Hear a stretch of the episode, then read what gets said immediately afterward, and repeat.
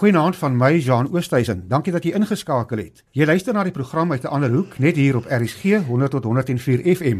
Jy kan ook wêreldwyd op die internet by rsg.co.za na ons luister.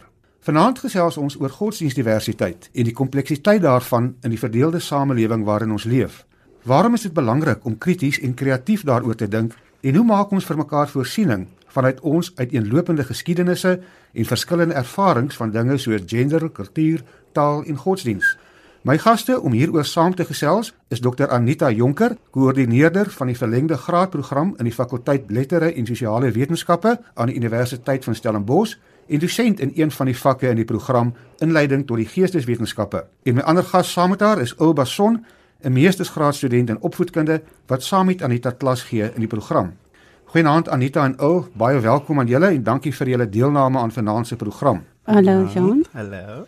Anita, kom ek begin sommer by jou. Hoe diep is hierdie verdeeldheid in ons samelewing ten opsigte van dinge soos gender, kultuur, taal en dan natuurlik ook godsdiens? Dis nogal 'n komplekse en inderdaad 'n diverse aangeleentheid nie waar nie. Jean, ek dink ons kom van 'n verdeelde verlede af en die studente wat voor ons sit, kom ook uit 'n mengsel van verskillende tale, kultuurgroepe en ook genderoriëntasies. So 'n mens moet as jy die module koördineer en ontwerp met die in gedagte hou dat jy nie mense het wat net uit een oriëntasie kom nie en uit een kultuurgroep nie. So ons probeer sensitief wees om vir die studente bewus te maak van die die rykheid van diversiteit en die waarde daarvan om te verstaan wat ander mense se wêreldbeeld is en wat jy kan leer daaruit, wat in jou eie tradisie waardevol is, watter waardes is jy moeite werd om mee aan te gaan en wat in jou eie kultuur, godsdiens en taalgroep problematies is, wat sluit mense uit en watter goed wat ons onnadenkend sê kan lei tot diskriminasie teen gemarginaliseerde groepe. So diversiteit behels eintlik 'n hele klomp dinge. Dit is baie meer as net taal of kultuur. Wil jy werk eerstens met studente en jong mense en jouself nog deel van die jonger geslag? Tot watter mate dink jy is daar by jong mense die nodige begrip vir mekaar se uiteenlopende diverse oortuigings en het hulle begrip daarvoor? Ek dink die jonger geslag is baie meer ontvanklik vir diverse en uiteenlopende agtergronde en oriëntasies en genderidentiteite. Ek dink ons lewe in 'n in 'n era waar ons gereeld veral met verwysing na sosiale media, ons word blootgestel aan verskillende perspektiewe in verskillende agtergronde. Daar is steeds onkunde by sommige jong mense, maar dit is soort na my mening is dit iets wat oorgedra word van generasies en die opsette waarin hulle groot word lei tot onkunde maar dit beteken nie hulle is nie oop om te leer oor gender diversiteit en verskillende oriëntasies. En is jong mense bereid om kritiese vrae te vra wanneer jy oor hierdie goed gesels? Ek dink jong mense is bereid om kritiese vrae te vra oor hierdie kwessies want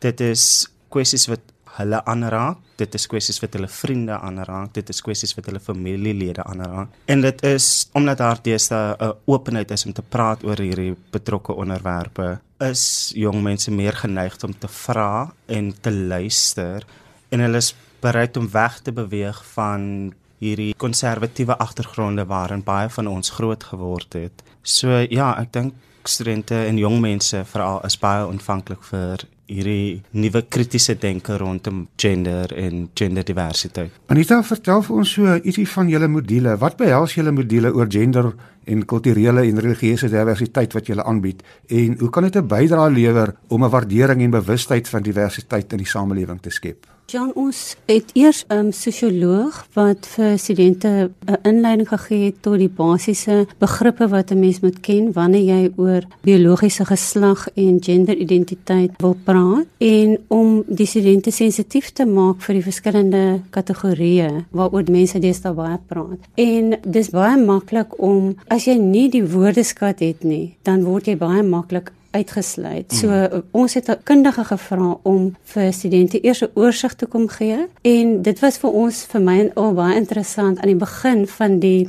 modelle het ons vir die studente gevra hoorie met watter gender terme is jy bekend en die meeste van hulle het gesê hulle ken net homofobie byvoorbeeld 'n term soos xenofobie mm. of vreemdelingehaat en seksisme. Die gasdosent was 'n week daar en nadat hy daai inleiding gegee het, het ons daarmee gewerk die res van die modelle. Ons het vir hulle oor die terminologie laat praat. Hulle moes 'n uh, essay skryf oor wat hulle ervaring van verpligte heteroseksualiteit op skool was en dit het deur die hele modelle toe die volgende gasdosent inkom professor Colile Simon wat ook vir hulle aan die hele rasionaal agter godsdienste waarom stel mense hoe genaamd in die samelewing in godsdienst mm. belang toe hy vir hulle daai inleiding kom gee toe hulle alreeds die sensitiwiteit gehad om na te dink oor maar wat is daar in my godsdienstgroep in my kultuurgroep wat dalk kan bydra tot marginalisering aan die een kant wat is die goeie goed wat ons in my my kultuur of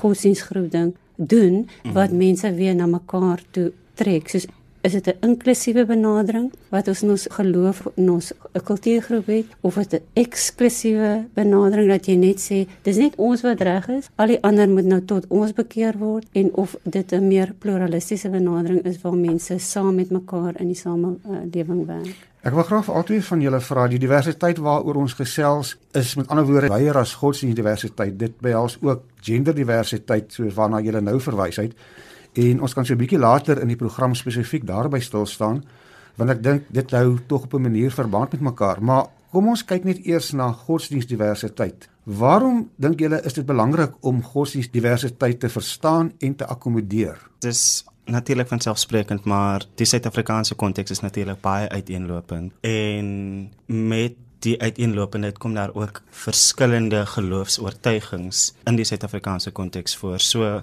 ons is 'n baie pluralistiese samelewing en vir ons om ander mense se se werklikhede en se oortuigings te verstaan, moet ons blootgestel word en ons moet kennis dra van wat vir hulle belangrik is en hoe hulle hulle morele waardes oriënteer volgens dit wat wat hulle glo. Ek dink blootstelling aan ander mense se geloofs-oortuigings is belangrik om sodoende ruimte te skep waar ons saam kan in 'n samelewing kan saamleef en die nodige respek vir ander mense hê en dan ook die vermoë om krities te wees oor ander mense se geloofs-oortuigings en ook introspeksie te doen oor jou eie geloofs-oortuigings. Anita, ou verwys nou na blootstelling, moet mense dan dalk leer om veral ook wat betref godsdienstdiversiteit groter moeite te doen om ander mense met wie se geloof jy nie saamstem of vertroud is nie se aanbiddingsplekke te besoek. Jean, ek dink dit hang alles af met watse houding jy iemand anders se aanbiddingsplek besoek. As jy byvoorbeeld 'n moskee gaan besoek en jy gaan met 'n kritiese ingesteldheid en jy wil net alles wat hulle verkeerd doen probeer uitwys, dan dink ek moet jy maar eerder nie gaan nie. Ons probeer eerder as ons studente byvoorbeeld na die moskee toe neem of na die sinagoge, hmm. dan probeer ons vir studente 'n waardering gee en respek vir die ander godsdiensttradisie wat hulle voor hulle sien afspeel. Ons probeer dat die imam of die godsdienstleier van daai spesifieke aanbiddingsplek dat daai persoon eerstehands met hulle praat en vir hulle uit 'n baie opregte manier vertel wat is hulle doelwit om ook saligheid te bereik. En my gevoel is altyd dat wanneer 'n mens weggaan van so 'n plek af, jy, die die studente is verryk want hulle voel ons het nou iets gesien waarmee ons nie groot geraak het nie. En jy as dosent kan nooit of jy as tutor of as mededosent jy kan nooit vir daai student dieselfde waarde gee mm. as die geestelike leier. ja wat dit in daai aanbiddingsplek uh, vir hulle doen nie. En ek bedoel mense hoef ook nie altyd na 'n aanbiddingsplek toe te gaan nie. Ons het byvoorbeeld aan 'n Hare Krishna priester genooi om met hulle te kom praat in die klas. Hy het 'n interessante gewaad gehad, maar die hof van sy van sy geestelikheid en dit was ongelooflik om te hoor hoe hy met hulle praat oor nie gewelddadigheid mm. en ahimsa. En daarbey ook dink ek blootstelling aan ander se gelowe gee ook vir jou die geleentheid om soort van die eenheid tussen mense te sien want ons is so groot geword dat alles wat dit ons die geloofs-oortuigings is so verdeel dat ons mm. regtig nie eintlik sien hoe baie ons geloofs-oortuigings oorvleuel nie mm. en ek mm. dink dis waarby ons baat vind ek wil graag vir albei van julle vra julle praat nou van godsdienstdiversiteit maar sluit godsdienstdiversiteit ook mense uit ateïstiese en agnostiese agtergronde in want dit is nog ook 'n werklikheid Definitief ja, nee, definitief daar's baie studente wat in die klas sit wat miskien godsdienste groot geraak het en wat vandag soekend is, juis omdat hulle nie die antwoorde gevind het binne hulle eie geloofstradisie nie. En ons dosente wat sekulêr ingestel mm. is, natuurlik is daar ook 'n verskil tussen agnostici en ateïste. Mm. Ek meen ons leer vir hulle ook daai onderskeide, maar die belangrike ding is dat jy weet dat ons vir almal 'n plek het. Daar's so ongelooflik baie bydraes wat sekulêre mense in die samelewing gelewer en steeds lewe. En ek meen ons het 'n sekulêre grondwet. Mm -hmm. Dis 'n grondwet wat ons almal beskerm gelowige en ongelowige mense, jy mhm. weet so ek dink die belangrike ding is net dat ons moet bereid wees om bydraes van almal te aanvaar en mm. te luister en wat is die beste? Ja. Wat is die goed wat ons in gemeen het en wat is daai goed wat ons ons heeltemal van mekaar vervreem. Ja. En ek bedoel dan as ons kom by dis hoekom ek nou spesifiek verwys na die grondwet, as dit kom by uitsluiting en diskriminasie teen mense en jy ervaar dat jou godsdienstgroep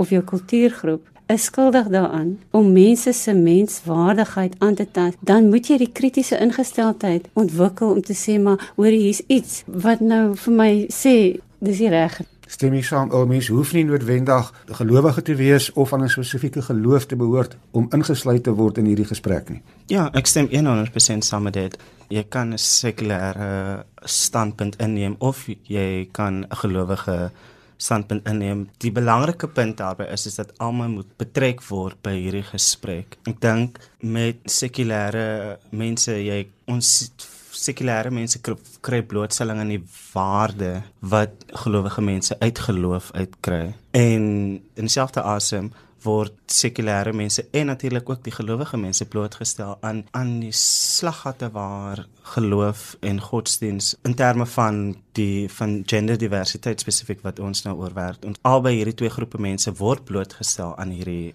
probleem as dit kom by godsdiens. So dit skep dan 'n ruimte vir 'n groep mense om saam te praat oor een probleem. As jy pas ingeskakel het, my naam is Jean Oosthuizen en jy luister na die program uit 'n ander hoek, net hier op RSG 100 tot 104 FM. Ons gesels vanaand oor godsdiens of geloofsdiversiteit en met twee gaste is Dr Anita Jonker en Ilba Son, albei verbonde aan Universiteit van Stellenbosch. As jy wil reageer op die program, is jy welkom om vir ons 'n SMS te stuur na 45770 teen R1.50 per SMS of jy kan saamgesels op ons Facebookblad uit 'n ander hoek. Wat van geslags- of genderdiversiteit? Word daar genoeg aandag hieraan gegee, Anita?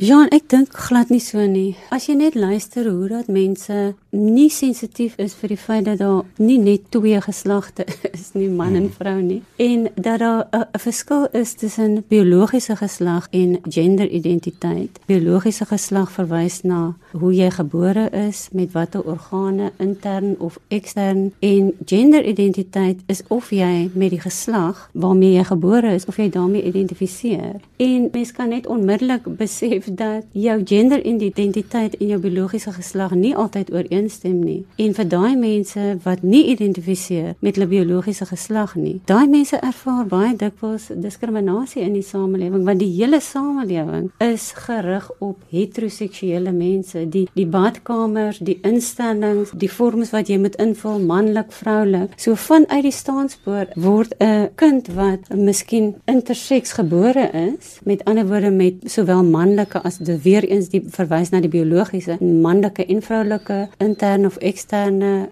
organe. Daai kind word vanuit die staanspoor gedwing in die een of in die ander groep. Ons stem nie saam dat hierdie is 'n gesprek wat 'n mens met groter vrymoedigheid moet voer en openlik voer. Ek stem 100% met wat Anita gesê het. Ek dink daar's oningeligtheid oor die onderwerp en daarbey ook is daar die huiwering om te praat oor genderdiversiteit. Anita het nou baie geraak aan genderidentiteit. Dit is 'n groot issue wat in die op die oomblik aan die gang is, maar selfs iets soos homoseksuele verhoudings en homoseksualiteit is nog iets wat nog nie regtig aanvaar word in geestelike of 'n uh, in die godsdienstige ruimtes nie. Ek bedoel dis hoekom veral nou met die debat rondom die NG Kerk, daar is die why #why_discriminate groep op Stellenbosch Universiteit studente wat diskurs rondom hierdie onderwerp skep. Omdat daar nie genoeg gepraat word daaroor nie en hierdie betrokke groepe word veral verstoot ongeag of hulle 'n geestelike inklinasie mag hê maar daar word nie ruimte vir hulle gemaak nie. Anita ons praat van die LGBT gemeenskap maar dis baie wyer as dit. Dit is eintlik die LGBTIQI gemeenskap. Wil jy nie dalk net kortliks vir ons luisteraars die term verduidelik nie Die afkorting verwys na lesbies, gay, biseksueel, transgender, intersex, queer en aseksueel. En natuurlik moet 'n mens nou al daai terme ook weer gaan definieer, maar ek dink dit is belangrik dat die gewone mense net 'n besef kry dat daar 'n verskeidenheid van ingesteldhede is, afgesien van jou biologiese geslag en jou genderidentiteit. Is daar ook iets soos jou gender uitlewing en in Engels sê hulle gender expression. En dit beteken hoe verkies jy om jou gender identiteit uit te leef? Jy weet hoe trek jy aan? Hoe stap jy? Ja, hoe draai jy jouself? hoe draai jy jouself? En as jy byvoorbeeld in die gesin ek vat nou sommer ons praat nou baie van instellings so sê net maar die kerk en die mm. skool. Maar as jy in jou gesin byvoorbeeld as daar 'n man verbystap en hy het 'n spesifieke verfynde stappie en jy sê in jou gesin vir jou kinders, daai's 'n regte moffie of 'n sissie. Dan wat jy daarmee doen is jy skep 'n norm vir jou kinders. Jy stel 'n voorbeeld vir jou kinders daar dat dit heeltemal in orde is om te diskrimineer teen iemand wat nie aan die gender vereistes en norme van die samelewing voldoen nie. So dit voel vir my dit begin binne in die in die huisgesin al. Mm. Baie mense noem hulle self Christene, maar dan maak hulle hierdie neerhalende opmerkings of hulle sal verwys na 'n butch vrou. O, daai een, jy weet, is darm nie vroulik genoeg nie. Mm. Maar wat gebeur op die einde as jy aanhou en aanhou met daai neerhalende manier van praat, dan word dit oukei okay om iemand te vermoor wat nie voldoen aan hierdie gender vereistes nie en hoeveel voorbeelde het ons al in ons samelewing gesien van mense wat eenvoudig vermoor word omdat hulle uitstaan, hulle voldoen nie aan die gender norme nie. Ek dink ons moet kyk hoe ons praat. Ons moet sensitief wees vir hoe ons praat in die samelewing. En selfs jy hoor dit baie keer op die radio dat dit mense wat kommentaar lewer praat van dis nie vir sissies nie. Dis 'n baie diskriminerende manier om te praat. Want daarmee sê jy wat? Daar's 'n sekere norm van manlikheid wat jy aan moet aan voldoen. Hulle het, hulle het nou so flissies verwys na die huidige debat daaroor in uh, spesifiek die NG Kerk is natuurlik nie die NG Kerk nie hierdie debat is veel breër as net die NG Kerk maar die samelewing en dan spesifiek kerke dra dikwels by daartoe dat hierdie LGBT gemeenskap en ook vroue steeds gemarginaliseer word. Hoe spreek 'n mens dit aan? Ek dink die eerste ding is ons moet erken dat die kerk of godsdienste word gedryf deur 'n heteropatriargale houding en daarmee bedoel ek dat heteroseksuele mense eerstens as 'n norm gestel word en dan meer so die heteroseksuele man word aan die hoof gestel. Ons moet eers dit erken en dan van daar af moet ons begin gesprekke voer met mense wat geaffekteer word deur hierdie houding en hierdie besluitneming van die kerk. Ons het diskurs nodig. Ons moenie weghardloop van hierdie gesprekke nie en meer so jy moet gesprekke hê met mense wat geaffekteer word deur hierdie die uitsluiting. Ek dink gesprek en bewusmaking en opregte belangstelling en opregte om reg verandering aan te bring. Jy moet opreg wees oor verandering aanbring. Dis so mense hierdie kwessies gaan aanraak. Weet jy, ek dink ook so baie keer aan daai gelykenis of was was nie 'n gelykenis nie waar Jesus gesê het vir die mense, maar die van julle wat sondeloos is, gooi julle die vrou dood wat die sonde gedoen het. En ons is so ongelooflik vinnig om oordeele te vel in die samelewing. Mm. Ek meen as jy nou van die enige kerk tradisie, daar is kerke wat die belydenis van Bellaar onderskryf. Mm. Nou wat is die belydenis van Bellaar? Is God is aan die kant van die onderdruktes. Nou as daar nou een groep is in die samelewing wat onderdruk is, dan is dit die LGBTI gemeenskap en gay mense. Nou wil jy vir my sê 'n gay persoon op die kansel gaan nie vir my as 'n lidmaat 'n fantastiese boodskap kan lewe nie. Dit is 'n persoon wat verdrukking in die samelewing ervaar mm. elke dag wat uitgestoot wat op die rand funksioneer, moet funksioneer omdat die samelewing net heteroseksuele mm. norme het. So hoe kan ek nou as 'n lidmaat sê daai persoon mag nie vir my bedien nie of erger nog, daai persoon mag nie in 'n verhouding wees, in 'n wettige verhouding mag nie mense trou nie. Dan moet ek mos nie in die kerk as 'n as 'n gelowige wees nie. Maar as ons kyk hoe daar gestry en getwis word net oor die gay gesprek, die gesprek oor transseksuele, interseks en transgender persone het eintlik nog nie eers begin nie. Nou, hoe stel 'n mens dan die gewone man of vrou en ook mense wat nie met man of vrou identifiseer nie op straat daaraan bloot sodat ook hulle 'n groter begrip vir diversiteit kan ontwikkel. Ek dink gesprek. Dis gesprek is deurslaggewend. Ja. Dis 'n rare gesprek. Ja. Ek, ek dink dit begin eerstens soos ek gesê het, heteroseksuele identiteite. Ons moet begin besef dat dit nie die norm is nie. Ons moet LGBTQIA mense normaliseer en hulle bestaan normaliseer. Soos ons moet begin verstaan wat transseksueel is, wat transgender is. Soos Anita voorheen uitgewys het, transgender is iemand wie se identiteit nie ooreenstem met die biologiese geslag waarmee hulle gebore is nie. So jy as jy 'n transgender vrou is, dan is jy as biologies as 'n man gebore, maar jy identifiseer nie met die konsep van wat dit is om 'n man te wees nie. So jy identifiseer as 'n vrou. Mens ons moet verstaan dat daar 'n verskil tussen biologiese geslag en gender is. En ek dink van daar af kan ons meer ingeligte gesprekke voer rondom waar pas transgender mense en waar pas transseksuele mense in hierdie gesprek in en waar wat is hulle plek in die kerk? Anita, maar waar moet hierdie gesprekke dan gevoer word? want dit lyk nie vir my of kerke baie gewillig is om die ruimte daarvoor te skep nie. Hulle wil amper nie eers oor die oor die gay issue praat nie. Nou praat ons nog van transgender en dis meer. Jean, weet jy daar was 'n paar jaar gelede was daar 'n hele dag 'n werkswinkel by die Kweekskool op Stellenbosch by die fakulteit teologie waar daar kundiges kom praat het wat in genetika gespesialiseer het, mm -hmm. evolusionêre biologie. Daar was lede van die LGBTIQ gemeenskap wat self eerstehands kom praat het. Daar was dominees wat kom praat het, wat kinders het wat gay is. En daai ding is opgeneem en gemeentes kan dit wys vir hulle lidmate. En daar is baie gemeentes eh, glo vir my tot in Reebok het hulle die inisiatief geneem om Sondag na Sondag met hulle lidmate daaroor te praat. En dis dis afgetrede mense maar hulle het die moed gehad om dit te doen. So ek dink nie mense moet skuil agter jy's oningelig daar's heeltemal genoeg materiaal maar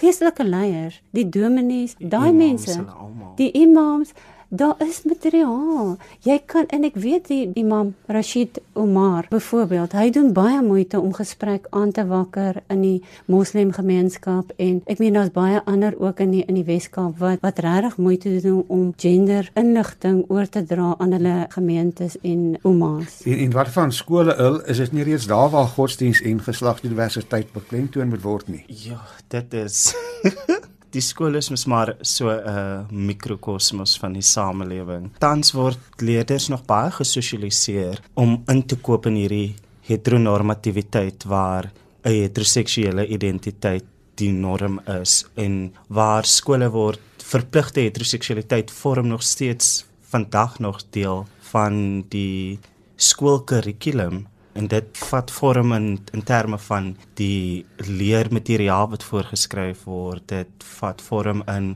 sportskodes en in watter sportskodes jy mag deelneem dan natuurlik baie skole is nog baie gefokus op Christendom en neem nog steeds Christendom as die eerste geloof wat hulle praktiseer by die skool. So daar word al reeds geloofsdiversiteit word al reeds daar uitgesluit. So waar word dan daar is nie ruimte om te begin praat oor genderdiversiteit nie. Maar dit beteken nie dat dit net aanvaar moet word nie. Ek dink skole is veral onderwysers en prinsipale. Hulle moet gewillig wees en hulle moet begin hierdie gesprek rondom diversiteit aanraak deur die materiaal wat hulle voorskryf, deur hulle self bewus te maak daaroor, nie dat hulle nie reeds bewus is nie. Hulle hulle is bewus, maar hulle verkies om dit te ignoreer. Maar hulle moet aanspreeklik gehou word en dan moet hulle moet begin praat oor die diversiteit sodat wanneer leerders uit skole uitkom, dat hulle meer ontvanklik en oop is vir genderdiversiteit. Die tyd het ons ingehaal. Ek wil graag ten slotte vir julle baie kortliks vra,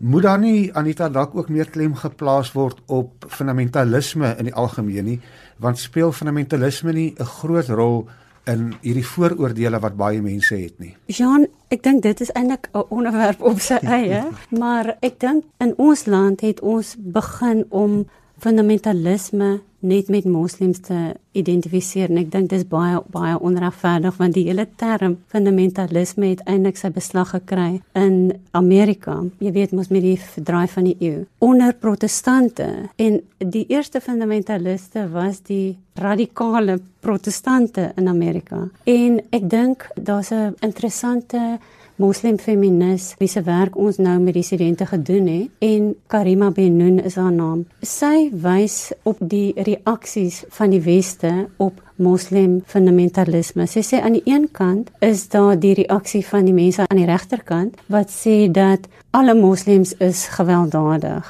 Dis aan die regterkant. En dan Met ander woorde, die moslems is half 'n monolitiese groep. Hulle word almal gesien as gewelddadig. Aan die ander kant, aan die linkerkant, het jy weer mense wat sê dat die gruwe van moslim radikale en ekstremiste is legitiem. Sy sê en dis net so verkeerd. Daai help nie een van daai twee benaderings help ons nie, want die meeste mense wat slagoffers is van moslim fundamentalisme in die wêreld is moslems. So dit help ons niks as mense aan die linkerkant moslim ekstremisme verdedig nie. Mm. Sy vra eintlik dat rasionele mense in die wêreld wat tot vrede verbind is, dat hulle sal hande vat Christene sowel as moslems, hindus, boeddiste en dat ons almal saam teen verskillende forme van fundamentalisme sal veg. En ek bedoel baie van die politieke optrede van die weste op die oomblik in die wêreld en in die geskiedenis is in die naam van die Christendom gedoen. En dan het dit die grootste grootste chaos tot gevolg gehad in naam van die Christendom. 'n Laaste woord van jou, is jy optimisties dat daar hande gevat kan word om hierdie gesprek breër te voer of neig ons samelewing al hoe meer fundamentalisties? Ek ek is optimisties oor die moontlikheid van hande vat. Ek dink baie jonger mense begin meer praat hieroor, daar's meer bewusmaking en aangesien ons die volgende generasie is wat hierdie samelewing in Suid-Afrika gaan stuur, maak dit my maak dit my optimisties want 'n klein groepie studente op Stellenbosch Universiteit by die fakulteit teologie hou die NG Kerk op die oomblik aanspreeklik met hulle aktivisme. Op hierdie positiewe noot moet ons afsluit. Baie dankie aan my twee gaste, Dr Anita Jonker, dosent in die fakulteit lettere en sosiale wetenskappe aan die Universiteit van Stellenbosch en ook aan Ilbeson 'n meestersgraadstudent in opvoedkunde ook van die Universiteit van Stellenbosch. Baie dankie vir julle deelname vanaand en baie sterkte vir julle bydrae om groter diversiteit, verdraagsaamheid en respek by veral ook die jonger geslag te kweek, want dit is dalk daar waar ons moet begin. As jy wil kommentaar lewer, stuur vir ons gerus 'n SMS na 45770 of gesels saam op uit 'n ander hoek se Facebookblad. My e-posadres is jean@jean.oosthuizen.z@gmail.com of volg my op Twitter by @jeanoost. Onthou Al die programme is ook as potgoeie op RSG se webwerf beskikbaar. Van my, Jean Oosthuizen, dankie dat jy saam geluister het. Volgende week, dieselfde tyd, is ons weer terug net hier op RSG 100 tot 104 FM wanneer ons weer uit 'n ander hoek gesels.